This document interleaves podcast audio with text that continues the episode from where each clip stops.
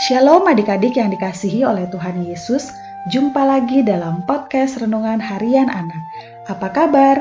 Kiranya Tuhan memberkati adik-adik di mana pun kalian berada. Sudah siap untuk mendengarkan firman Tuhan? Jikalau sudah, kita berdoa terlebih dahulu ya. Mari kita meminta pertolongan Tuhan selama kita mendengarkan firman-Nya. Mari kita berdoa. Bapak Surgawi, Bapak yang baik, terima kasih untuk penyertaan Tuhan di sepanjang hari ini dalam aktivitas dan belajar kami. Terima kasih Tuhan untuk penyertaan-Mu juga bagi keluarga kami. Saat ini kami hendak mendengarkan dan merenungkan firman-Mu. Sertai kami Tuhan, agar kami tahu apa yang hendak Tuhan nyatakan dan Tuhan mau untuk kami lakukan dalam hidup kami hari lepas hari.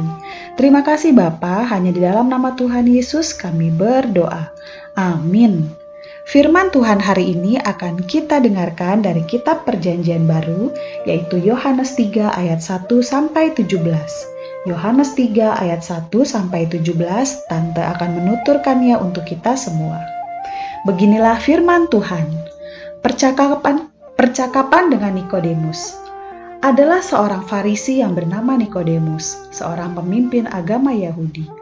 Ia datang pada waktu malam kepada Yesus dan berkata, Rabi, kami tahu bahwa engkau datang sebagai guru yang diutus Allah, sebab tidak ada seorang pun yang dapat mengadakan tanda-tanda yang engkau ada yang engkau adakan itu jika Allah tidak menyertainya. Yesus menjawabnya katanya, Aku berkata kepadamu, sesungguhnya jika seorang tidak dilahirkan kembali, ia tidak dapat melihat kerajaan Allah. Kata Nikodemus kepadanya, Bagaimanakah mungkin seorang dilahirkan kalau ia sudah tua? Dapatkah ia masuk kembali ke dalam rahim ibunya dan dilahirkan lagi? Jawab Yesus, Aku berkata kepadamu, sesungguhnya jika seorang tidak dilahirkan dari air dan roh, ia tidak dapat masuk ke dalam kerajaan Allah. Apa yang dilahirkan dari daging adalah daging, dan apa yang dilahirkan dari roh adalah roh. Janganlah engkau heran karena aku berkata kepadamu, kamu harus dilahirkan kembali. Angin bertiup ke mana ia mau, dan engkau mendengar bunyinya tetapi engkau tidak tahu dari mana ia datang atau ke mana ia pergi. Demikianlah halnya dengan tiap-tiap orang yang lahir dari roh. Nikodemus menjawab, katanya, Bagaimanakah mungkin hal itu terjadi? Jawab Yesus, Engkau adalah pengajar Israel dan engkau tidak mengerti hal-hal itu? Aku berkata kepadamu, sesungguhnya kami berkata-kata tentang apa yang kami ketahui dan kami bersaksi tentang apa yang kami lihat tetapi kamu tidak menerima kesaksian kami. Kamu tidak percaya waktu aku berkata-kata dengan kamu tentang hal-hal duniawi. Bagaimana kamu akan percaya kalau aku berkata-kata dengan kamu tentang hal-hal sorgawi? Tidak ada seorang pun yang telah naik ke sorga selain daripada dia yang telah turun dari sorga, yaitu anak manusia. Dan sama seperti Musa meninggikan ular di padang gurun, Demikian juga anak manusia harus ditinggikan, supaya setiap orang yang percaya kepadanya beroleh hidup yang kekal. Karena begitu besar kasih Allah akan dunia ini, sehingga ia telah mengaruniakan anaknya yang tunggal, supaya setiap orang yang percaya kepadanya tidak binasa, melainkan beroleh hidup yang kekal. Sebab Allah mengutus anaknya ke dalam dunia bukan untuk menghakimi dunia, melainkan untuk menyelamatkannya oleh dia. Demikianlah firman Tuhan. Tema renungan kita pada hari ini adalah Yesus Juru Selamatku. Dengan nats emas Yohanes 3 ayat 17, beginilah firman Tuhan. Sebab Allah mengutus anaknya ke dalam dunia bukan untuk menghakimi dunia, melainkan untuk menyelamatkannya oleh dia. Adik-adik, setiap manusia berbuat dosa, dan upah dosa ialah maut. Namun, Allah sangat mengasihi manusia sehingga Ia tidak membiarkan manusia binasa.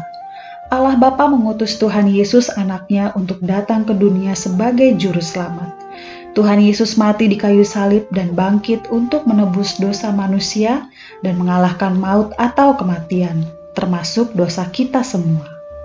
Adik-adik, Tuhan Yesus rela turun dari surga, menjadi manusia, lahir di kandang yang hina ia selalu menyatakan kasihnya. Ia mengubah air menjadi anggur di pesta pernikahan yang kehabisan air anggur. Ia menyembuhkan yang sakit dan menolong yang menderita, mencelikkan yang buta, memberi makan lima ribu orang hanya dengan lima roti dan dua ikan. Ia rela dihina, disiksa, dan disalibkan hingga mati. Semua ini Tuhan Yesus lakukan demi menyelamatkan manusia yang berdosa. Untuk adik-adik, untuk tante, dan semua orang. Alangkah besarnya kasih karunia dan anugerah Tuhan Yesus kepada manusia, termasuk kepada kita semua. Adik-adik, apakah kamu percaya bahwa Tuhan Yesus adalah juru selamat? Apakah adik-adik percaya bahwa Tuhan Yesus adalah juru selamatmu?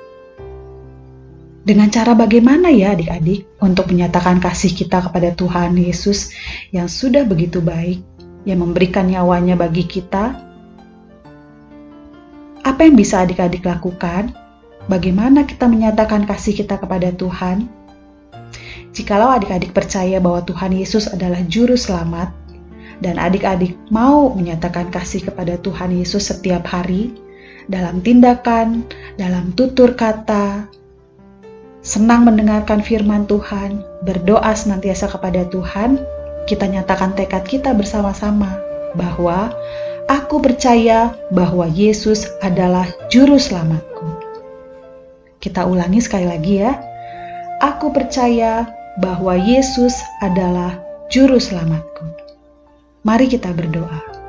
Bapa di surga, kami percaya, aku percaya bahwa Tuhan Yesus adalah juru selamatku, juru selamat kami semua. Kami merasakan kasih dan anugerah Tuhan yang sangat besar kepada kami. Terima kasih ya Tuhan untuk kebaikan-Mu dalam hidup kami. Hanya di dalam nama Tuhan Yesus kami berdoa. Amin. Renungan kita sudah selesai. Sampai jumpa besok lagi ya. Tuhan Yesus memberkati.